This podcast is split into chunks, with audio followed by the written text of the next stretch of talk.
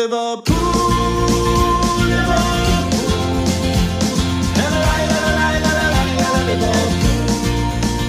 Liverpool. Hej hej, hallå och eh, välkomna tillbaka till ytterligare ett avsnitt av Total Liverpools podd. Andreas Järp heter jag. I vanlig ordning och med mig så har jag Per Kvist. God kväll! God kväll, god kväll. Och Thomas Nygren såklart. God kväll. God kväll. Det är kväll i alla fall när vi spelar in det här avsnittet. Om det är kväll när du lyssnar, det vill jag låta vara osagt. Om det inte är god morgon, god förmiddag, god eftermiddag och allt det där.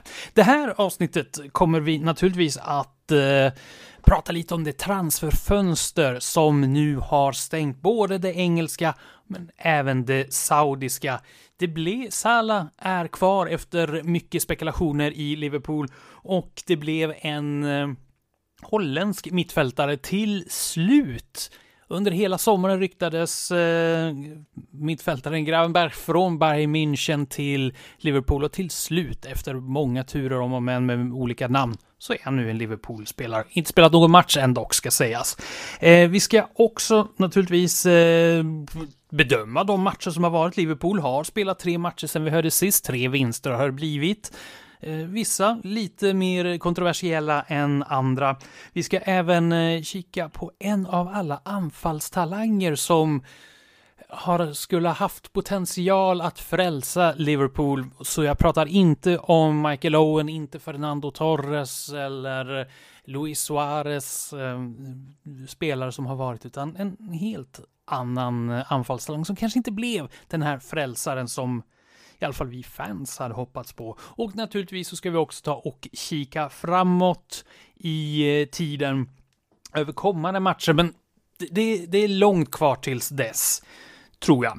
Och då börjar vi från allra första början. Tre matcher har spelats sen vi hörde sist. Det är eh, 3-1 mot Bournemouth efter ett eh, ganska kontroversiellt rött kort då på nyförvärvet McAllister som en match där Liverpool då Eh, protesterade eh, till FA att häva den här utvisningen och man lyckades. Nästa match blev också en ganska kontroversiell sådan när det var Newcastle som då besegrades med 2-1. Även där blev det ett rött kort. Virgil van Dijk blev ju utvisad och Newcastle gjorde 1-0, men sen så kunde Darwin Nunez på något mirakulöst sätt kaosa in två mål i slutet. Och eh, sen senaste matchen spelades så var det då mot Aston Villa. Och eh, det innebär att eh, Liverpool återfinns i dagsläget på en tredje plats efter fyra spelade matcher på 10 poäng.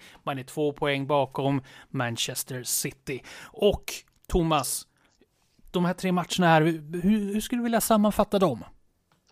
Eh, till att börja med så är det ju såklart resultatmässigt eh, jättebra. Det är ju full pott i tre, i tre matcher där vi ändå hade några, några svåra motståndare. Främst såklart Newcastle borta, men även Aston Villa har ju gått starkt. Så att vi, eh, att vi går från dem med eh, tre raka segrar är ju väldigt imponerande tycker jag.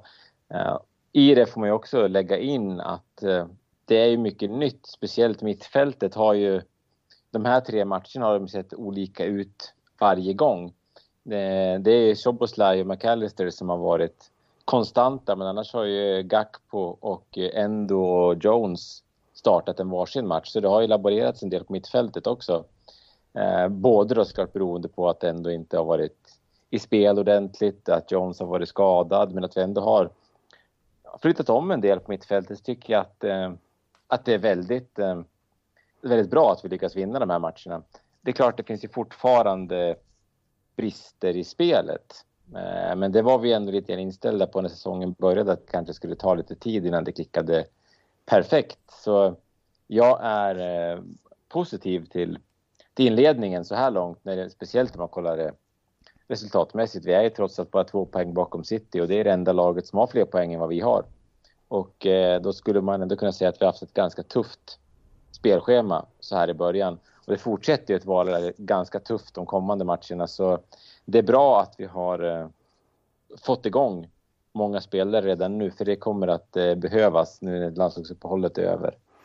Eh, matchen mot Newcastle kan ju vara värd att tas upp lite extra Per. Hur viktig skulle du säga att den matchen var att man lyckades eh, säga, svälja den frustrationen som det här röda kortet på van Dijk ändå var och att det var också Darwin Nunez som eh, klev fram och blev den stora matchvinnaren. Jätteviktigt ur många aspekter förstås. Den mest uppenbara är väl kanske att det, det är ju faktiskt en sexpoängsmatch. Det är sexpoängsmatcher, alla matcher mot lagarna som kommer att slåss runt topp fyra strecket och vi minns ju i slutet av förra säsongen hur enormt jämnt det var i slutomgångarna rent poängmässigt trots att Liverpool gjorde en skitsäsong. Sen så är det ju såklart en jätteboost att vinna med tio man. Speciellt mot en så stark motståndare som Newcastle trots allt är. Så blir det en stor kollektiv jätteboost och en individuell boost såklart för Darwin Nunez som verkligen kunde utnyttja sina kvaliteter när det öppnades upp lite. Och han kunde löpa bakom Newcastle-backarna. För vi vet ju att han är en otroligt vass kontringsspelare. Men det är ju långt ifrån i alla matcher där, när matchbilden är sådan så att Liverpool får massa tillfällen att kontra. Men med tio man mot en stark motståndare blir det eller blev det en sån matchbild och eh, Darwin Nunez kunde ju verkligen visa sitt bästa jag när den matchbilden uppstod.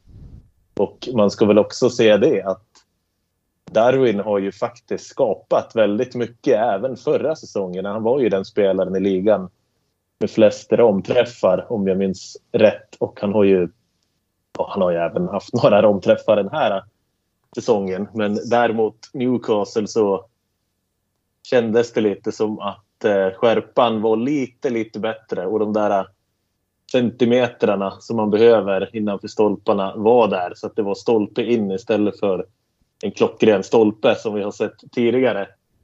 Och eh, han är ju en sån spelare som skulle kunna göra 20 mål i ligan om han kommer igång och är mer effektiv. För han har ju verkligen många egenskaper och jag tycker dessutom att det har varit jättekul att se hans pressspel den här säsongen. För det hade han ju en del problem med eh, att komma in i förra säsongen. Och det är såklart att det är en akklimatiseringsprocess till Klopps fotboll. Men med det pressspelet han har och det hotet han utgör så känns han, i alla fall för mig, som det bästa alternativet i det centrala anfallet.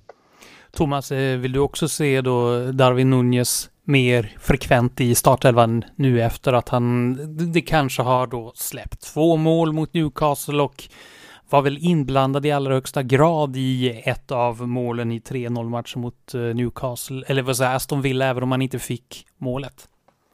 Ja, nej, men jag, jag håller med. Jag tycker kanske att hans eh, spelmässiga insats mot Aston Villa är hans bästa sedan han kom till Liverpool. För det, precis som Pelle var inne på, så satt ju pressspelet på ett annat sätt än vad vi sett tidigare då han har eh, även under förra säsongen så skapade han väldigt mycket men det kändes lite grann som att han spelade Eh, för sig själv, att han inte var inne i Liverpools spel riktigt. Mot eh, Aston Villa tyckte jag man fick se en annan Nunez där framme och eh, han och eh, Salah började hitta varandra ganska bra. Nu som, precis som ni var inne på, så det blev ju inget mål mot Aston Villa men det var ju ändå hans stolpskott som ledde till ett av målen. Han hade också en eh, fin avslutning där som tog i ramen och eh, han var den som skarvade fram bollen till Salah när han gjorde mål och kan vara inblandad i väldigt, väldigt mycket. Och han känns ju som en spelare som det måste vara fruktansvärt jobbigt att spela mot som försvarare för han väldigt eh, sliter, kämpar, stark, dyker alltid upp. Um, det är en, det är en enorm rå talang så eh, jag vill absolut se Nunez spela mycket den här säsongen. Sen är det ju, om man ser det, problem är kanske fel ord att uttrycka det, men även en sån som Jota tycker jag har gjort en väldigt bra säsongstart. Eh, för det var ju, det var ju såklart Nunez inhopp var det som fick rubrikerna mot Newcastle, men även Jota gjorde det väldigt, väldigt bra när han kom in och började röra om lite grann. Och eh, han gjorde även mål när han spelade mot Bournemouth. Eh, det är väl kanske Gakpo som har haft den eh, trögaste inledningen. Eh, men i hans fall så har det mest handlat om att han inte fått spela på rätt position. Så när väl han kommer få chansen mer eh, ja, ordentligt centralt i anfallet så kommer säkert han också göra bra ifrån sig. Så det är många som, eh, som slåss om de här platserna längst fram. Eh, Salah är ju såklart given. Den platsen är ju, har ju han gjort till sin. Diaz har ju också börjat säsongen jätte, jättebra så det blir svårt att flytta på honom ute till vänster. Så det blir en hård kamp om den här platsen i, i mitten under den kommande månaden. Uh, nu kommer Nunez tillbaka från landslagsuppehållet i en lite svårare sits än både Jota och Gakpo eftersom han har varit både Sydamerika och spelat. Så kanske är det så att han inte får starta mot Wolves. Men eh, jag tror att Eh, jag skulle inte bli förvånad om vi har ett eh, genombrott för Nunez på allvar Eh, att prata om nästa gång som vi, som vi spelar in. För det känns som att det är på väg att lossna för honom och eh, när vi mötte Nunez året innan han kom till oss så såg vi vilken spelare det är när han spelar med självförtroende. Så eh, bara det vaknar till liv helt så tror jag att det här kommer visa sig vara en, eh, en kanonvärvning. Man får ju hoppas att Nunez får ungefär samma utveckling som en annan eh, Uruguayan, nämligen Luis Suarez, som också var, eh, som du nämnde Thomas, en, måste ha varit väldigt jobbig att möta som motståndare. Även om man inte gjorde mål så var han som ett argt litet bi runt allt och alla och eh, slet och kämpar. Vi får se om Nunez får samma utveckling. Men du nämnde det att Salah är ju kvar i klubben och nu har både det brittiska och det saudiska eh, transferfönstret stängt och det var ju in i det sista spekulationer huruvida Salah skulle lämna Liverpool för den saudiarabiska ligan och eh, det var inte så att det saknades anbud och höga prissummor men Salah är kvar och Per, hur viktigt för Liverpool och den här säsongen skulle du säga att Liverpool stod fast vid och eh, eh ja, att Salah fortfarande är kvar i klubben? otroligt viktigt.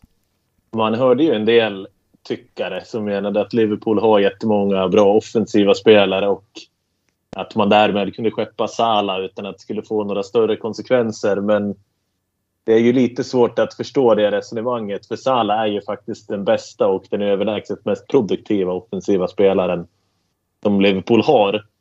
De andra har ju problem med skador och jämnhet och sådär men Salah spelar ju han är ju tillgänglig i stort sett jämt, spelar nästan jämt och han producerar nästan jämt också. Så att han har ju både en tillgänglighet och en produktion som är Ja, den är ju fantastisk helt enkelt och eh, sen är det ju såklart att eh, att sälja Sala när ditt eget transferfönster är stängt, det är ju ett annat scenario än att sälja Sala första dagen som transferfönstret öppnar och kunna använda de pengarna till att köpa ersättare och så vidare. Men så som spekulationerna var de sista dagarna så hade ju inte Liverpool ens haft möjligheten att panikvärva en ersättare och då är det ju såklart ja, då är det ju nästan omöjligt att motivera en försäljning.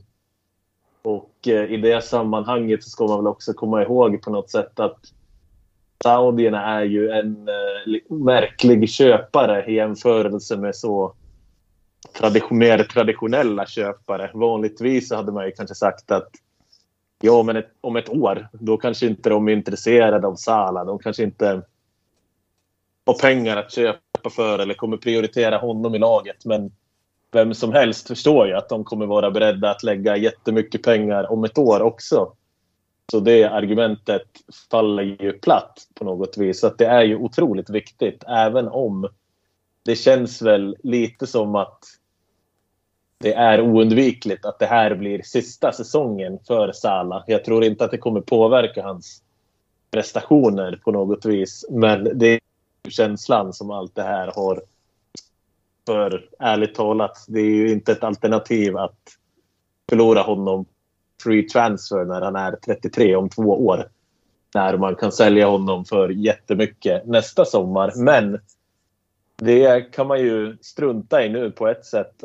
Såklart kan inte klubben göra det. De måste ju kolla efter potentiella ersättare. Men vi kan ju strunta i det när vi kollar på matcherna och kollar på hans prestationer. Och vi ska ju vara både glada och tacksamma att han inte har gjort någon jättegrej och försökt tvinga sig bort. Det är ju också befriande i allt det här. Eh, för att han har ju blivit eh, erbjuden fullständigt bizarra pengar. Men då är det ju det där med saudierna som köpare att han vet ju att han kommer att fortsätta att bli erbjuden samma bisarra pengar av saudierna.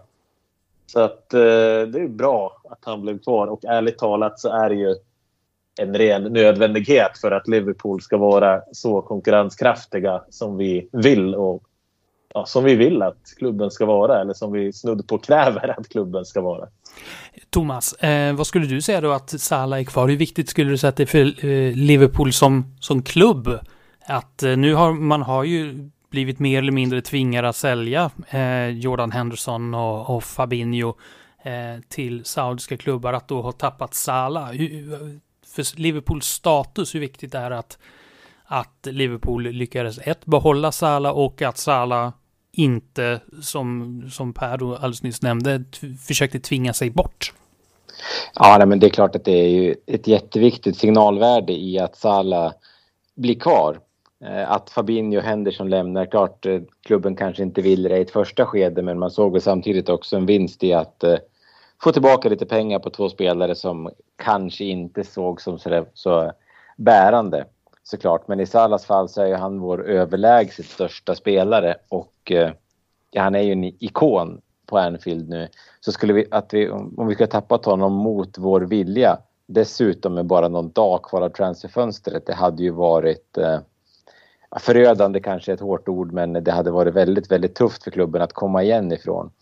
Och det är också det som är så väldigt konstigt med den här affären överlag, att det kan inte komma som en nyhet för den Saud saudiska ligan att de ville ha Salah. Och att då börja prata om att värva honom för 150 miljoner, 200 miljoner två dagar innan våra transferfönster stänger när de haft hela sommaren på sig är ju faktiskt eh, lite märkligt. Om de, eh, ja, om de hade lite koll på hur det funkar så hade de förstått att ja, men lägger vi det här budet i juli så Liverpool har en en och en halv månad på sig att hitta ersättare kanske större chans att, eh, att de accepterar. Ehm, och då var ju faktiskt också, det var väl där i juli någon gång som Salas agent var ute på Twitter och skrev att, eh, att Salah är committed till Liverpool och att han ska spela där. Ehm, så det, hela den här soppan runt saudiska ligan är ju märklig men för våran del så, så är det viktigt att Salah är kvar och precis som Pelle är inne på, vi kommer ju få ett bud nästa sommar också. Och då är det en eh, 32-årig Salah med ett år kvar på kontraktet som, eh, som det budas på. Då är det klart, eh, då är det ju ett helt annat ljus på, på situationen och förhoppningsvis så har väl klubben varit så pass förutseende att man redan då börjar titta lite grann på, på ersättare. Och kommer de här summorna in som det pratas om, då kommer man ju faktiskt kunna välja på en väldigt, väldigt ehm, hög hylla när man ska ta in ersättare till Salah och det kommer att vara viktigt för det är inte vem som helst som ska ersättas. Ehm, det här är ju ändå liksom ansiktet utåt för hela, hela Klopps sejour i Liverpool egentligen.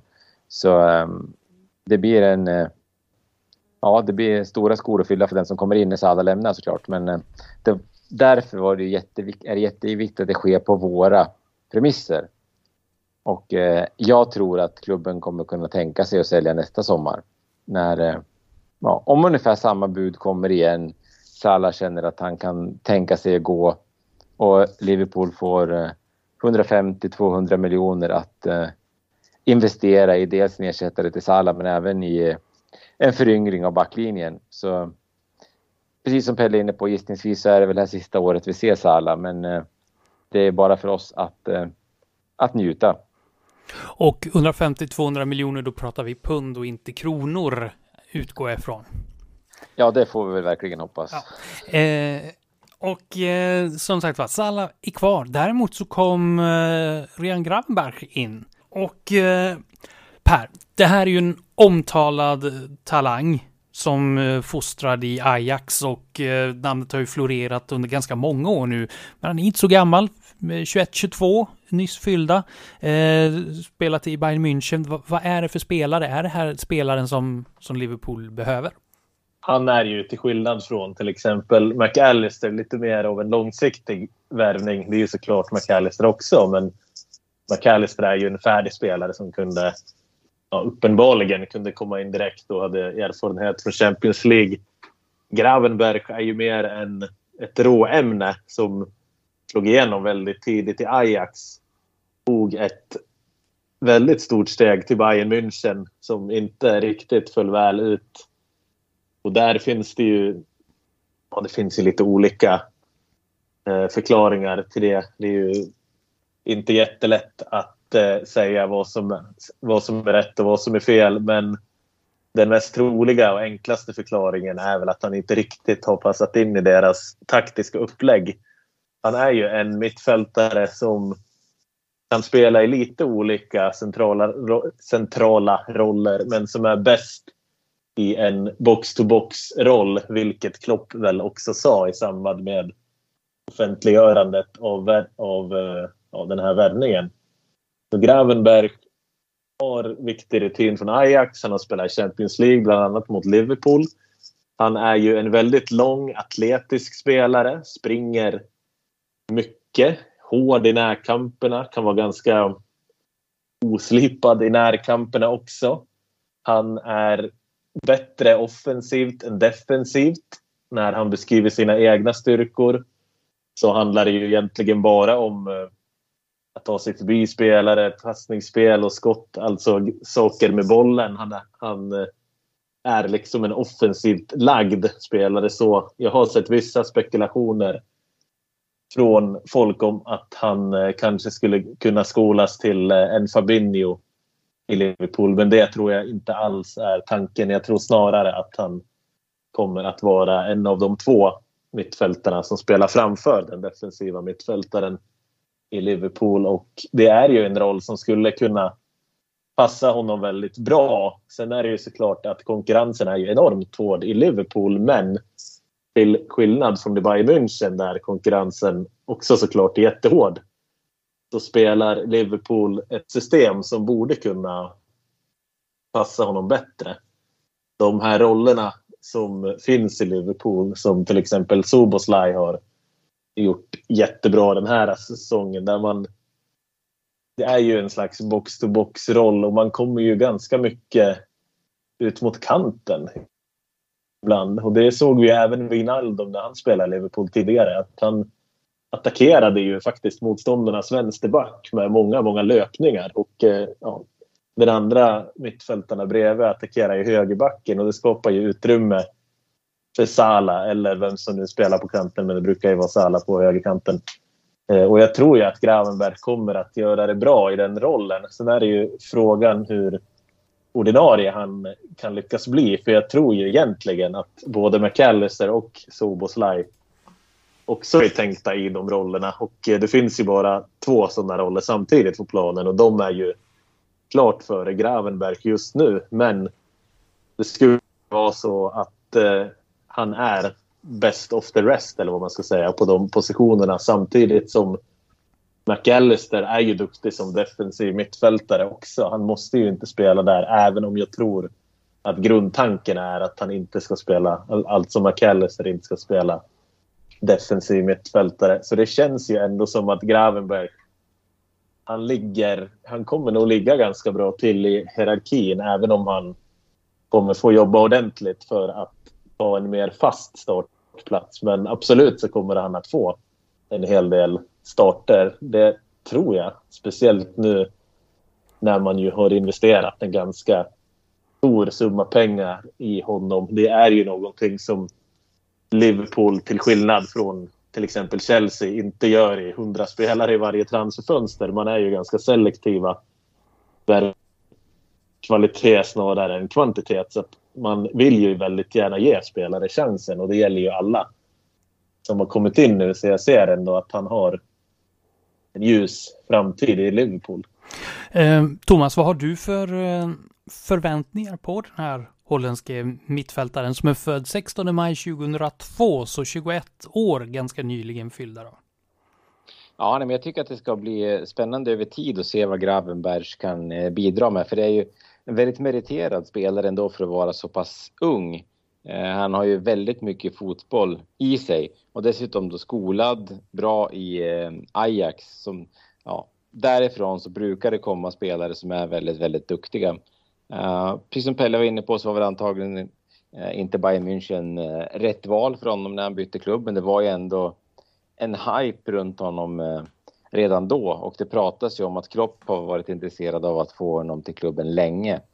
Så eh, jag tycker det här ska bli jättespännande att se vart det landar med Gravenbergs. Eh, och sen är det lite grann också att han behöver inte heller känna att han ska in och leverera på en gång utan han kommer kunna få ta sin tid att bli en del av det här laget. För vi har både Soboslaj och McAllister som har kommit in jätte, jättebra. Eh, Curtis Jones som också som har visst framfötterna. Vi har eh, fortfarande inte sett så mycket av Endo men eh, även där främst är väl han kanske tänkt i den defensiva rollen såklart. Eh, men det känns som att vi kommer kunna skynda hyfsat långsamt med Gravenbergs. Och med tanke på att vi ska spela Europa League också så kommer det finnas mycket speltid att få där. Och kan han där visa att han ska ha en av startplatserna i ligan så kan det säkert bli en hel del speltid även därigenom. Eh, sen så vet jag att det var många Liverpool-supportrar som ville se en mer specialiserad eh, defensiv mittfältare som den sista värvningen. Eh, och ser man till laget som helhet så är det klart, hade man lyckats hitta en en jättebra prisvärd defensiv mittfältare hade det kanske varit det som hade passat in bäst i lagbygget. Men eh, jag skulle kunna tänka mig att det helt enkelt var så att det inte fanns någon på marknaden som var värd den summa pengar som det pratas om. För eh, som värvningen från, eh, från Pallas till exempel kändes ju som eh, väldigt, väldigt eh, över, eh, överprisad på Ducoré. Att slänga fram de pengarna som det pratas om där, det hade ju inte varit försvarbart, även om kanske han var en spelartyp som hade passat lite, lite bättre in i lagbygget. Att då göra en, eh, en bra affär här med Gravenbergs tycker jag ändå var, var klokt, för nu får vi också eh, ännu större bredd på mitten och det vet vi ju med oss att vi, att vi kommer att behöva, för det är slitsamt att spela på, på Klopps mittfält. Så eh, jag tycker att det här var en, eh, en bra värvning eh, som ska bli spännande att se vart, vart det tar vägen. Så bra ålder, en spelare som Klopp vill ha, många bra egenskaper. Kanske lite oroväckande att han inte spelade så mycket förra säsongen, men eh, han är fortfarande snudd på ett barn. Så eh, jag tycker det känns, eh, jag tycker det känns positivt. Och eh, då har ju Liverpool nu ett eh, mittfält med eh, Soboslaj eh, som är, vad kan det vara, 22-23. Eh, Endo eh, runt 30. Gravenberg, som vi sa, var 21. McAllister är väl 24. Curtis Jones är 22 och Harvey Elliott är väl 19-20 någonstans där. Eh, ungt mittfält. Är mittfälts eh, omstruktureringen som det nu har efterfrågats under så lång tid, är den färdig nu Per? Är det här Liverpools mittfält framöver? Alltså, som jag ser det så eh, så har man ju tagit in tre spelare till de här två lite mer offensiva rollerna som jag var inne på. Och det är ju tre väldigt bra spelare. Vi har ju sett Soboslaj. Ja, han känns ju nästan som två mittfältare i vissa matcher. Han känns ju otroligt jäkla bra. McAllister är ju bra. Gravenberg är ju också... Även om han eh, är mer av ett projekt så är han ju ändå någon att räkna med som Thomas var inne på så är det väl den defensiva positionen där det finns vissa frågetecken. Där tappade man ju Fabinho, vad jag tror ganska oväntat. Jag tror inte att man förväntade sig att någon skulle vara beredda att betala massa pengar efter den säsongen han hade haft. Så jag tror att planen var att bygga upp honom igen och få honom att hitta sitt bästa jag igen. Men nu är ju, ett, nu är ju nu är det ju ett faktum att han inte är kvar. Um, och det kändes det väl inte som att klubben var förberedda på och som att man kunde lösa på bästa sätt. Man, försök, man har ju försökt såklart. Man har ju försökt tagit in den här prisvärda defensiva mittfältaren i form av Endo och vi får väl se om han kan göra ett jobb. Jag gillar ju de här äh, mittfält eller värvningarna rent allmänt som kommer liksom som en blixt från en klar himmel eller hur är det man säger, helt oväntade. Och det finns ju faktiskt vissa fördelar med att ta Endo istället för någon jättedyr mittfältare. Till exempel Caicedo. En stor fördel som jag ser är ju Bajsetic. han är ju en väldigt lovande spelare och situationen för honom hade ju blivit drastiskt annorlunda om man hade tagit in Caicedo jämfört med Endo. Endo känns ju ändå som någon som Bajsetic konkurrerar hyfsat med.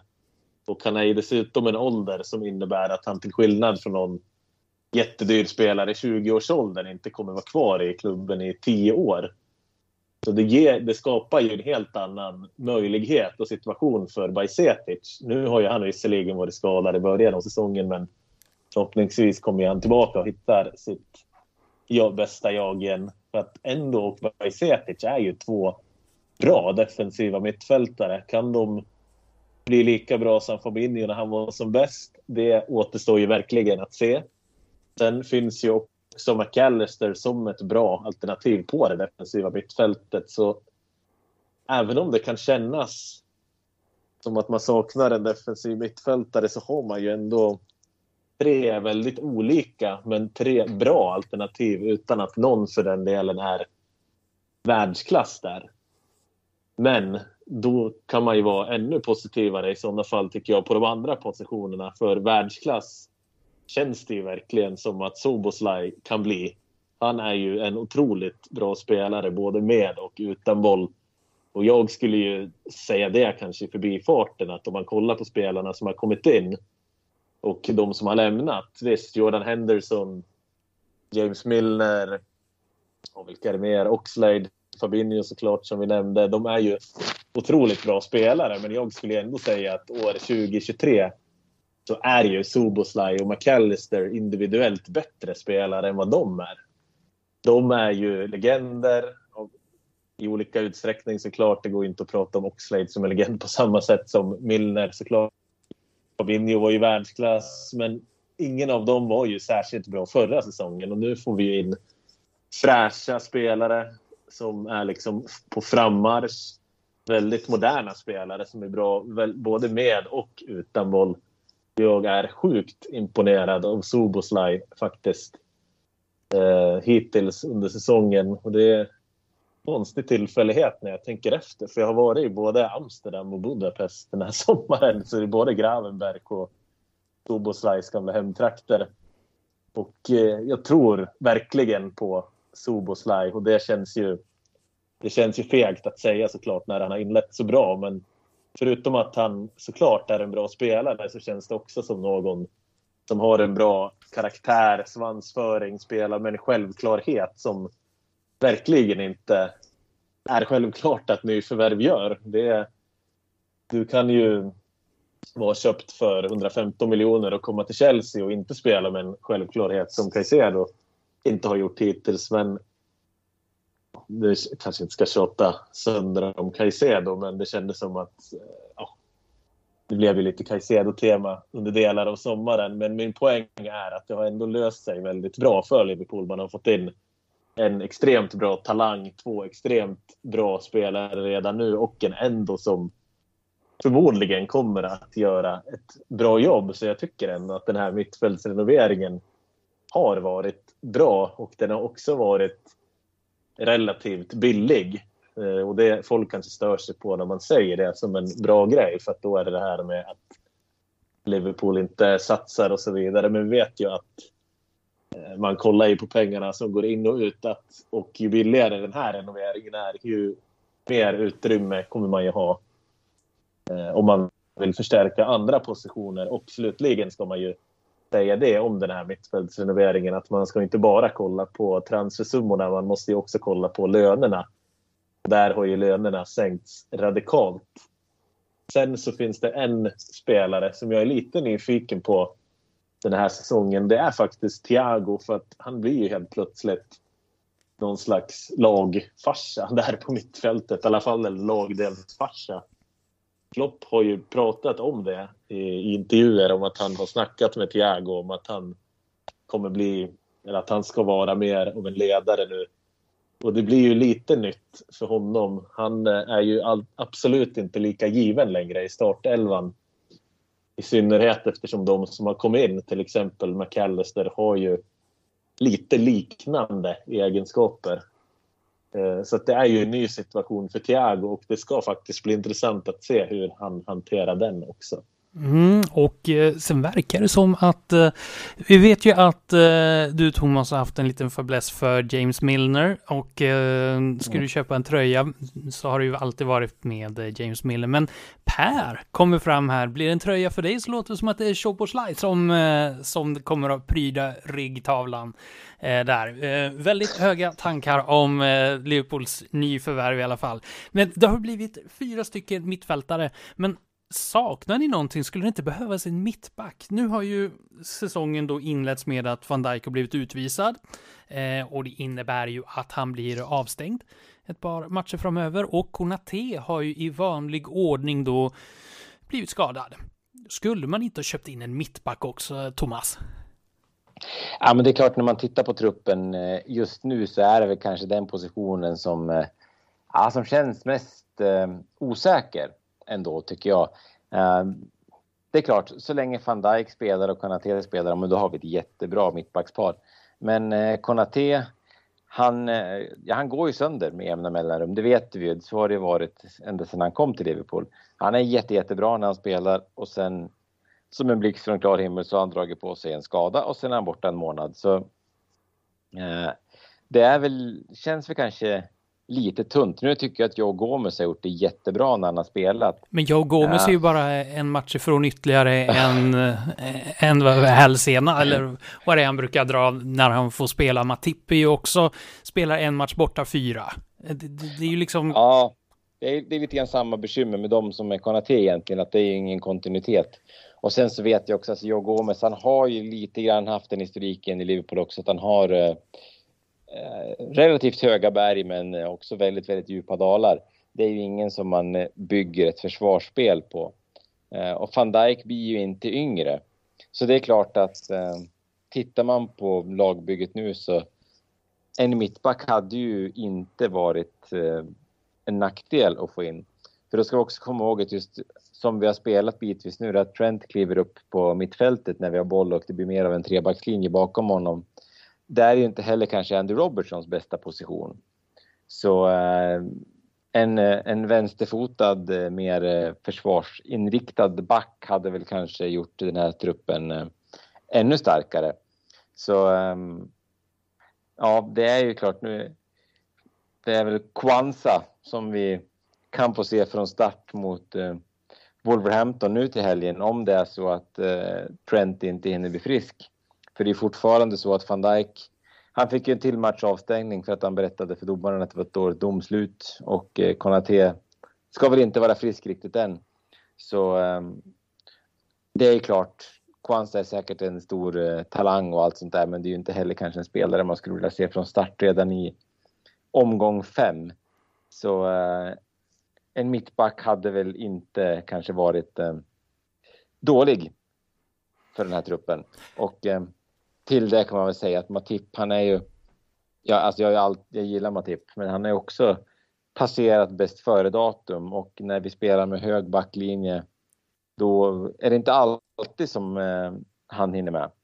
Så eh, ja, vi får se. Vi behöver ha lite, lite flyt med, med skadorna och eh, så får vi verkligen hoppas att eh, van Dijk inte tänker dra på sig fler eh, röda kort. Men det ska ju gudarna veta att det är fan inte enkelt att veta vad som är ett rött kort i Premier League den här säsongen. Så det är inte helt enkelt att undvika det heller.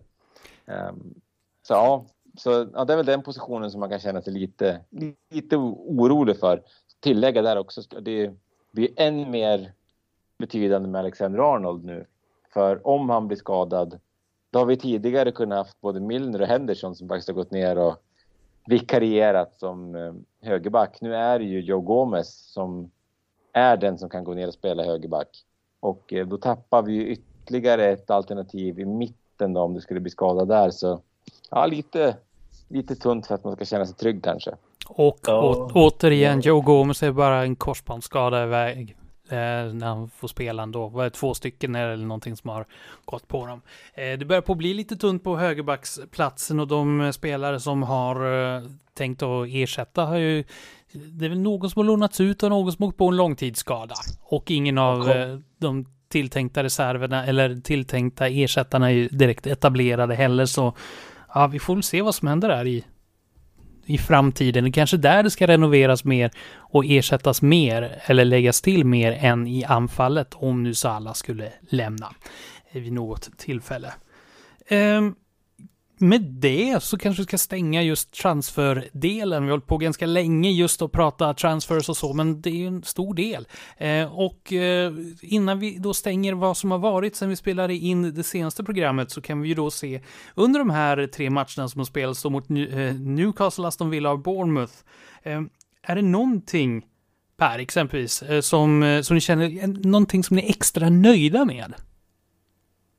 Jag måste väl ändå säga att man är extra nöjd över att mittfältet har fungerat så bra eh, trots att det är så många nya. För det är ju ändå så som vi har nämnt att det, man har ju bytt ut väldigt många på mittfältet. Man har ju faktiskt inte gjort någonting i de andra lagdelarna och det kan ju såklart vara väldigt medvetet val att ha kontinuitet i de övriga lagdelarna för att underlätta eh, för att eh, ja, spela in ett helt nytt mittfält. Och jag tycker ändå att det har sett bra ut. Det har ju såklart inte sett perfekt ut, men det kan ju inte någon som är det minsta realistisk ha förväntat sig. Och dessutom har det ju varit någon slags bisarr situation där stackars ändå i stort sett, eh, ja, i alla fall de första matcherna, bara fick spela i ett lag med tio spelare på planen känns som.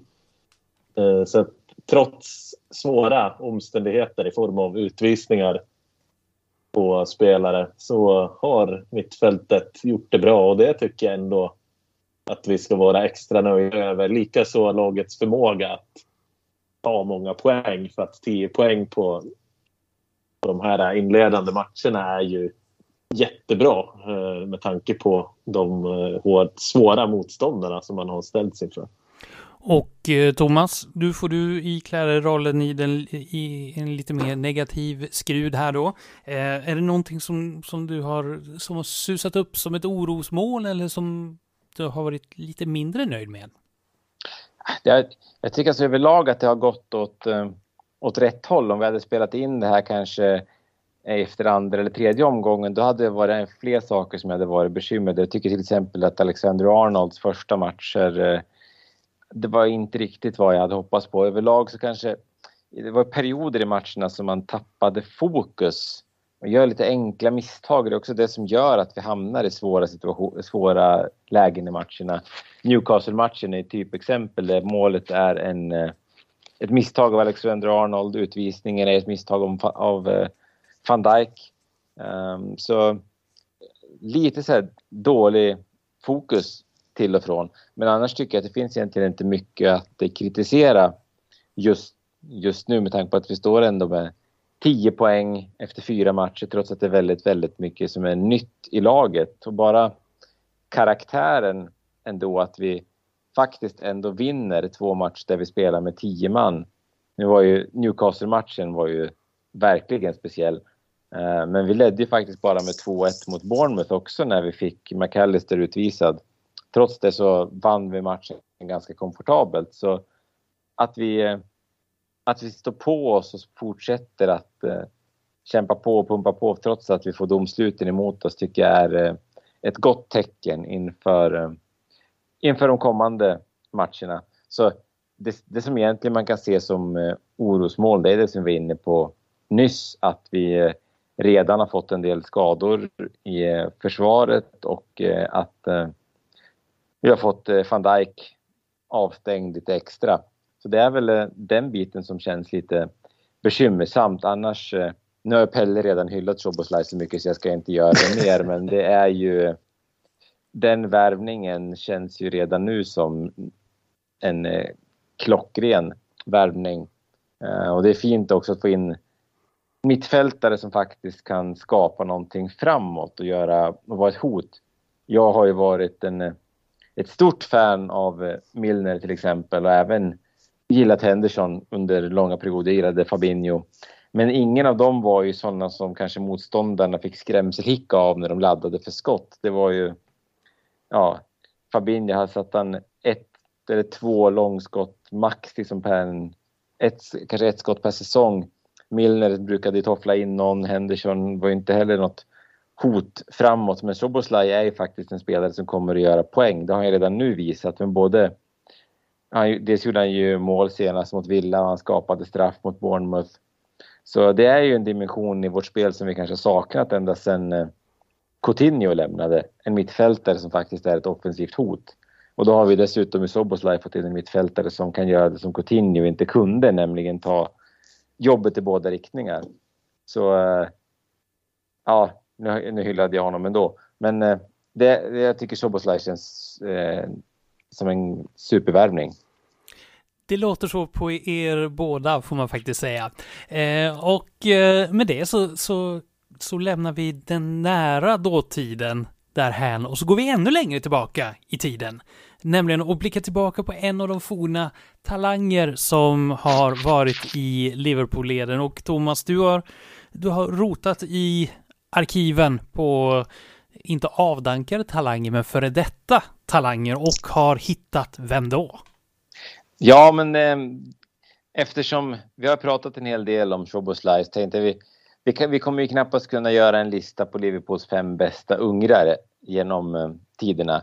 Det skulle bli en väldigt eh, krystad lista. Eh, däremot så kan vi titta lite grann på vad som har hänt med den kanske mest hypade ungrare som vi haft någon gång. Nämligen Christian Nemeth Som ändå kom som en eh, superspännande anfallare till Liverpool 2007. Han kom då från eh, sin hemklubb då, MTK Budapest där han hade ändå vräkt in mål trots att han var väldigt, väldigt ung. Och han kom till Liverpool och spelade i eh, reservlagen, ungdomslagen, gjorde väldigt, väldigt mycket mål när han kom till klubben och eh, blev bland annat ett år utsedd till reservlagets bästa spelare. Eh, Spåddes ändå en fin framtid. Eh, hoppade in i en hel del försäsongsmatcher under sin tid i Liverpool. Det var runt 2008-2009 som han ja, fick hoppa in han gjorde inga mål, men han var ändå med och skapade en straff. Han hade ett skott vars, vars som det blev retur på som det blev mål. Så han eh, började göra sig ett namn i Liverpool, men eh, lyckades väl inte riktigt slå sig in i, i laget. Det var ju inte så konstigt såklart, för det var ju tuff konkurrens i Liverpool även på den tiden. Um, så man lånade ut honom till Blackpool där 2009. Blackpool är ju inte alls speciellt långt att åka om man uh, spelar i Liverpool, så det var ju en praktisk utlåning. Uh, tyvärr då så blev det bara en halvtimme spel i Blackpool innan han skadade sig. Och eh, senare så fick han helt enkelt bara åka tillbaka till Liverpool och eh, lånades senare ut till eh, AIK Aten. Um, blev väl ingen större succé där heller. Ehm, tre mål på 19 matcher. Och överlag så efter det att den här skadan kom på lånet till Blackpool så det lyfte ju aldrig i Liverpool. Utan eh, man sålde honom vidare till, eh, till eh, ett cypriotiskt lag säsongen efter. Och eh, sen så lyfte det aldrig för eh, Nemeth. Han var på lån i, tillbaka hem i Budapest, gjorde mål den matchen han spelade. Han var på lån i Holland. Han eh, spelade i Holland permanent ett tag. Han har varit i USA, han har varit i Qatar, han har varit tillbaka till USA. Eh, hem till Ungern, tillbaka till USA, hem till Ungern. Men från och med förra säsongen så är han faktiskt tillbaka i MTK Budapest som var laget som Liverpool värvade honom ifrån alltså för nästan 20 år sedan. Det var 2005 som vi värvade honom. Efter eh, ja, 17 år på vift då, som det blev så är han tillbaka i Budapest. Och eh, det roliga här är att hans två bästa säsonger i karriären när det kommer till målproduktion eller två bästa klubbar, två bästa sessioner, det är att han gjorde 14 mål under sin första session i Budapest. Han har gjort 22 mål under sin andra session i Budapest. Det är de två klubbarna, eller de två sessionerna som han har gjort mest mål i. Så på sätt och vis så är det väl så att han har eh, hittat hem igen. Och han är, han är inte så gammal, jag tror han fortfarande var, 30, var 34 år. Så han har väl säkert många år kvar i sig. Men eh, det blev ju inte den eh, den karriären som ändå många av oss Liverpool-supportrar, ska inte säga att vi trodde, men det är alltid så när det kommer nya unga lovande spelare att man hoppas ju att det här ska vara nästa superstjärna. Att vi ska lyckas hitta en ung spelare som kommer in och gör succé.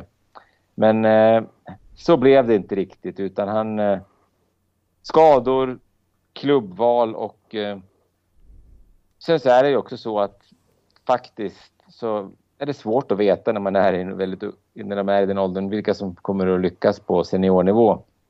Och eh, nu får man väl ändå säga att Nemeth han har haft en, helt, han har haft en, en bra fotbollskarriär.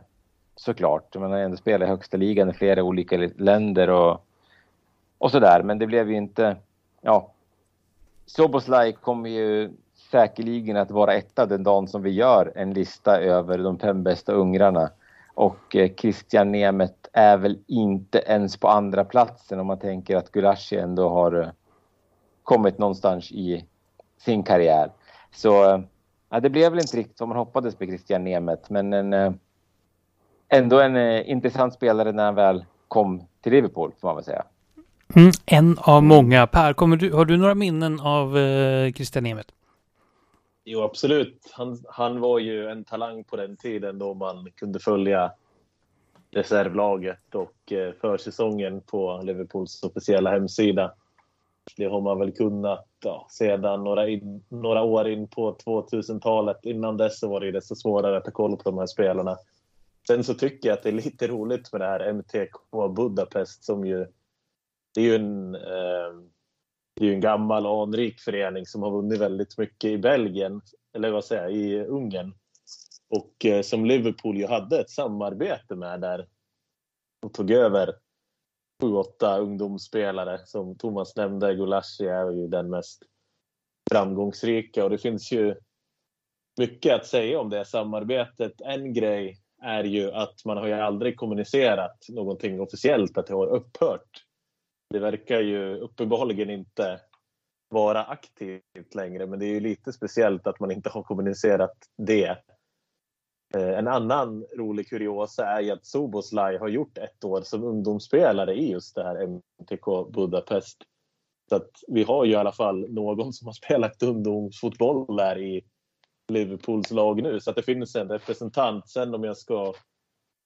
Ja, det kanske är lite att man använder fantasin lite mycket för nu är ju Gulashi skadad. Men vem vet, han kanske skulle kunna bli en sån här veteranmålvakt som man har som två eller trea tar in om några år. En sån här Adrian-typ. För han har ju faktiskt den fördelen att han bör ju vara homegrown och eh, club trained som man säger för Liverpool. Så att han skulle ju uppfylla de kvoterna och han har ju ungefär det CV som storklubbarna brukar gilla att ta in dess höst som backup. Och jag vill, vill ju betona att det i så fall är som backup och inte någon som man ersätter Allison med. Så det är ju en sån där rolig tanke som jag tänker på ibland när man kollar eh, inför somrarna. Vilken gubbe skulle man kunna ta in till målvaktsuppsättningen? Där är ju han en bra gubbe att ha koll på. 33 år gammal är han, Peter Gulaschi, spelar i eh, Leipzig i Tyskland. Eh, till vardags eh, om man nu inte har koll på det. Och då kan vi väl då stänga butiken. Då vet vi vad som händer med Christian Nemeth just nu och hur hans karriär eh, fram tills nu i alla fall har utvecklat sig. Och sen så börjar nu på bli dags att ja, men smått runda av programmet. Men innan vi gör det vi så... Har en, vi har en nyhet som inte vi... En tråkig nyhet som vi inte får missa här tyvärr när vi pratar om gamla Liverpool-spelare. För vad har hänt? Det är ju tyvärr, får man väl säga, för eh, Dinamo Zagreb så har man eh, sparkat Igor Biskan. Men varför då? E-, efter 17 eh, tävlingsmatcher så fick han sparken. Och det här är alltså tränaren som ledde dem till ligatiteln förra året. Visserligen tog han över när de var i ligaledning så det var väl bara att segla skeppet i hamn. Men tydligen så räckte det inte och eh, det ska väl främst vara att eh, man misslyckades i eh, Champions League-kvalet mot AIK Aten som var liksom den sista spiken i kistan här för, för Bishkan. Bland annat ska han ha fått kritik för att han inte gjorde speciellt mycket byten och för att ja, man, man helt enkelt inte skapade tillräckligt. Man ifrågasätter också att han har, att han har krävt nya namn i truppen och så, och så här. Men tydligen så så dög han inte för Dinamo trots att han har gjort succé både som U21 förbundskapten och vunnit titlar med eh, mindre klubbar och så. Så, så dög han inte. Så nu har alltså en tränare vid namn Sergej Jakirovic ersatt eh, Igor Biskan. Han kommer från Rijeka där Biskan faktiskt har varit tränare tidigare. Eh, så vi får väl se vilken klubb som nu nyper den här eh, lovande tränaren som Biskan ändå visat sig vara. Uppenbarligen var inte Dinamo rätt klubb för honom. Men eh, vi som följt honom från start i den här tränarkarriären vet att eh, den klubb som tar honom härnäst inte kommer att göra ett dumt val. Kanske är det så att Janne Anderssons ersättare sitter i Kroatien nu och väntar på att svenska landslaget ska, ska ringa. För Biskan har ju visat att han håller på landslagsnivå också. Ja, verkligen, så att det, det är väl bara en tidsfråga och eh, ska man eh, satsa pengar så kanske det är värt, eh, så kanske det i alla fall är ganska bra betalt om det nu blir så att Igor Biskan tar över eh, det svenska landslaget, eh, herrlandslaget ska sägas. Eh, Ja, men eh, ja, kanske inte ska satsa några större summor på det i alla fall. Men han finns nu alltså tillgång, Igor Biskan, och vi fortsätter ju såklart att följa den spännande tränarkarriären. Kanske det är eh, dags för Liverpool då att ta in honom till ungdomslagen och känna efter om det är någonting för framtiden. Mm, vi får se. Eh, mm. Igor Biskan i alla fall, nu vet vi vad, vad han håller hus. Han sitter i, i ett hus någonstans i södra Europa förmodligen och bidar sin tid just nu. Han kan eh, behöva vila lite grann. Ja, det har varit väldigt hektiskt för honom den senaste tiden ja. med landslag och klubblag och jag antar att det har, ja, just efter den här Champions League-missen att det har varit ganska hett om öronen. Mm. Eh, det var ju otroligt hett bland supportrarna i samband med de där matcherna. Mm, kan tänka mig. Väldigt stökigt. Ja. Eh, men vi vet i alla fall vad Liverpool kommer göra under den närmaste tiden efter det här landslagsuppehållet är slut som just nu i alla fall så är den 13 september pågår. Eh, nästa match Liverpool spelar blir mot eh, Wolverhampton på bortaplan. Sen drar Europa League-spelet igång där Liverpool då inleder mot eh, Linz följt av ligamatch mot West Ham. Eh, sen blir det Leicester i ligacupen följt av Tottenham ytterligare en Europa League-match i form av belgiska Union Saint-Gillois. Eh, och sen avslutningsvis då, innan det är dags för nästa landslagsuppehåll, då är vi framme vid 8 oktober och då spelar Liverpool mot Brighton på bortaplan. Och eh, de här fyra ligamatcherna, vi riktar in oss på dem. Mot eh, Wolverhampton, West Ham, Tottenham och Brighton. Ja, vad, vad är era spontana kommentarer där? Att vi fortsätter att ha ett väldigt tufft schema. Det här är ju flera väldigt bra motståndare. Tottenham och Brighton framförallt har ju sett bra ut under inledningen. West Ham gör ju sin grej och gör det på ett bra sätt om man ska beskriva dem väldigt kortfattat. Så att, ja, det är väldigt, väldigt tufft och förhoppningsvis kan man ju fortsätta på den inslagna vägen och ta väldigt många poäng. Men eh, ja, det blir tufft. Eh, Thomas, vad, vad, säger du? Vilken match är du mest fram emot av de här? Eh, ja, alltså det är klart att matcherna mot Tottenham är ju alltid, det brukar alltid vara underhållande. Det är en svår match, men det brukar också hända väldigt mycket i matcherna mot Tottenham. Och eh, de tycker jag har sett med sin, sin nya tränare, de har sett väldigt eh, roliga ut. Så Jag tror att det kommer bli en bra match. Men annars, precis som Pelle är inne på, så är det här, det här är ju ett eh, tufft schema tre bortamatcher också och sen hemmamatchen mot ett West Ham som, som verkligen är i bra slag. Där är ju James Ward-Prowse är ju såklart som handen i handsken i ett David Moyes-lag som bygger mycket på fasta situationer.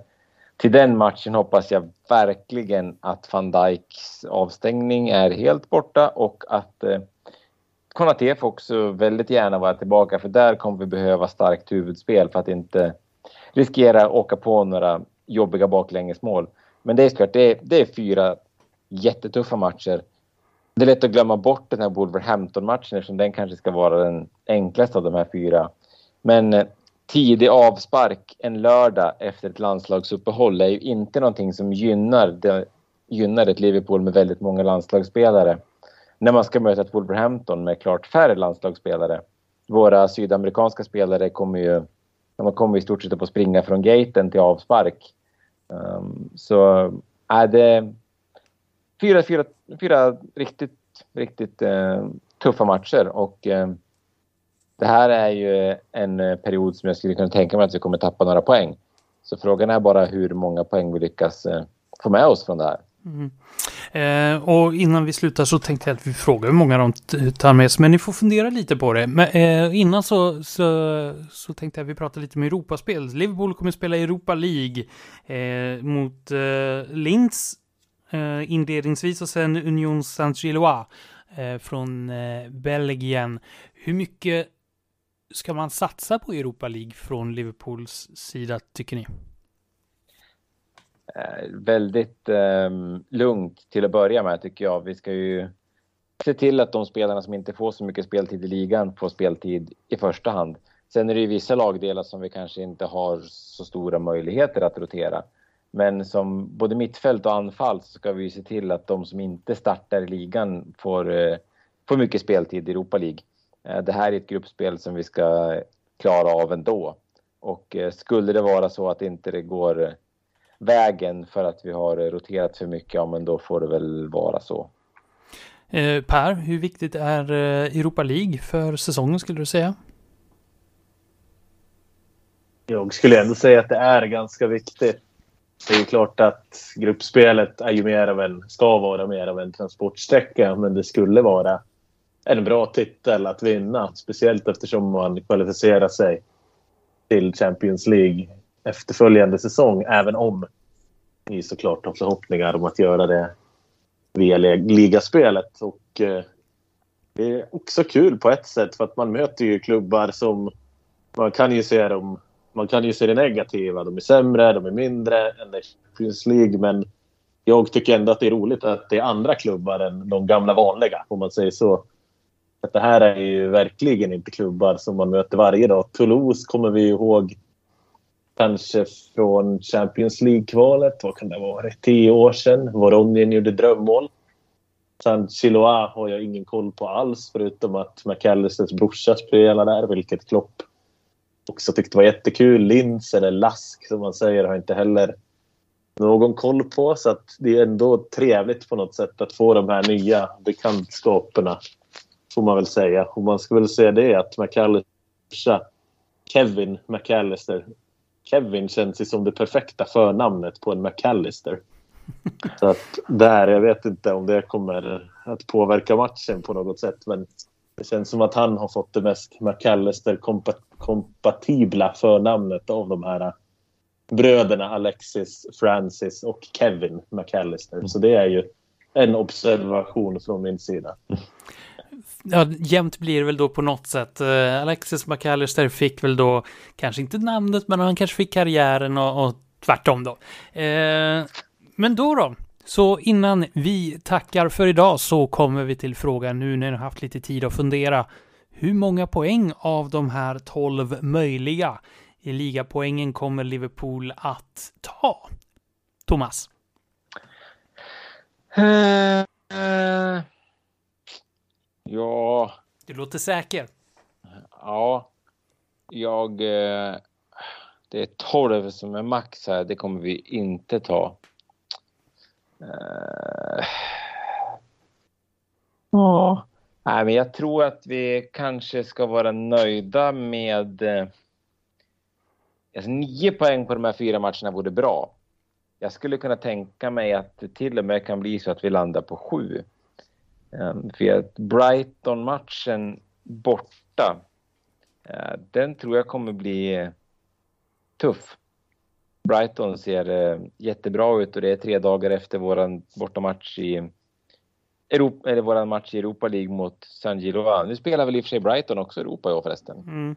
Det kanske jag inte kan skylla på heller. Klart du kan. Ehm, ja, Ja, men eh, vi säger väl nio då. Jag brukar ju vara optimistisk. Ja, du brukar vara optimisten här och då går vi till eh, ja, pessimisten uppenbarligen eh, för den här gången. Per, tror du bättre eller sämre eller lika?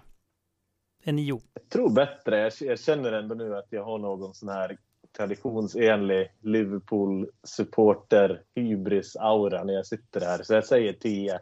10 poäng, det var... Fina inledningen vi har haft. Slå till med det. Du höjde inte sådär jättemycket, men okej okay då. Eh, 10 poäng tror du då Per och Thomas, du tror på 9. Om en dryg månad efter, den, efter Brighton-matchen, då har vi svaret. Eh, vilk, ja, vad ser ni fram mest mot under den här perioden? Vad vill ni ha svar på? Ja, alltså det är lite grann fortfarande i, i, som i, i, så tidigt på säsongen så jag vill, känner fortfarande att jag vill ha svar lite grann på vart Liverpool står. Uh, vi har ju fått en liten uh, indikation nu och uh, om, om ytterligare en månad kommer vi veta ännu mer. Men så överlag nu under trött landslagsuppehåll så ser jag mycket fram emot lördag och få se den riktiga fotbollen komma tillbaka igen. Och eh, Per, vad, vad vill du ha svar på? Även om eh, det har varit överlag positivt hittills så vill jag se att laget sitter ihop på ett bättre sätt. För det har, det har inte, just den grejen har inte sett jätte, jättebra ut hittills. Så det är ju faktiskt en väldigt viktig sak om man ska vara framgångsrik över tid. Vill se laget sitta ihop över hela banan på ett bättre sätt än tidigare. Och det är då de här tio poängen som du förutspår då kan, eh, kan tas annars. Och då har du fått ditt svar. Om en dryg månad så vet du, eh, så har vi svaren på båda era frågor. Fram tills dess hoppas att ni får det så trevligt och tack så mycket för idag. Tack, tack. Tack, tack. Och tack så mycket till dig som lyssnar. Jag hoppas att vi hörs igen om en dryg månad. Tills dess tackar jag Andreas Järpe för mig. Ha det så bra. Hej då! Liverpool, Liverpool.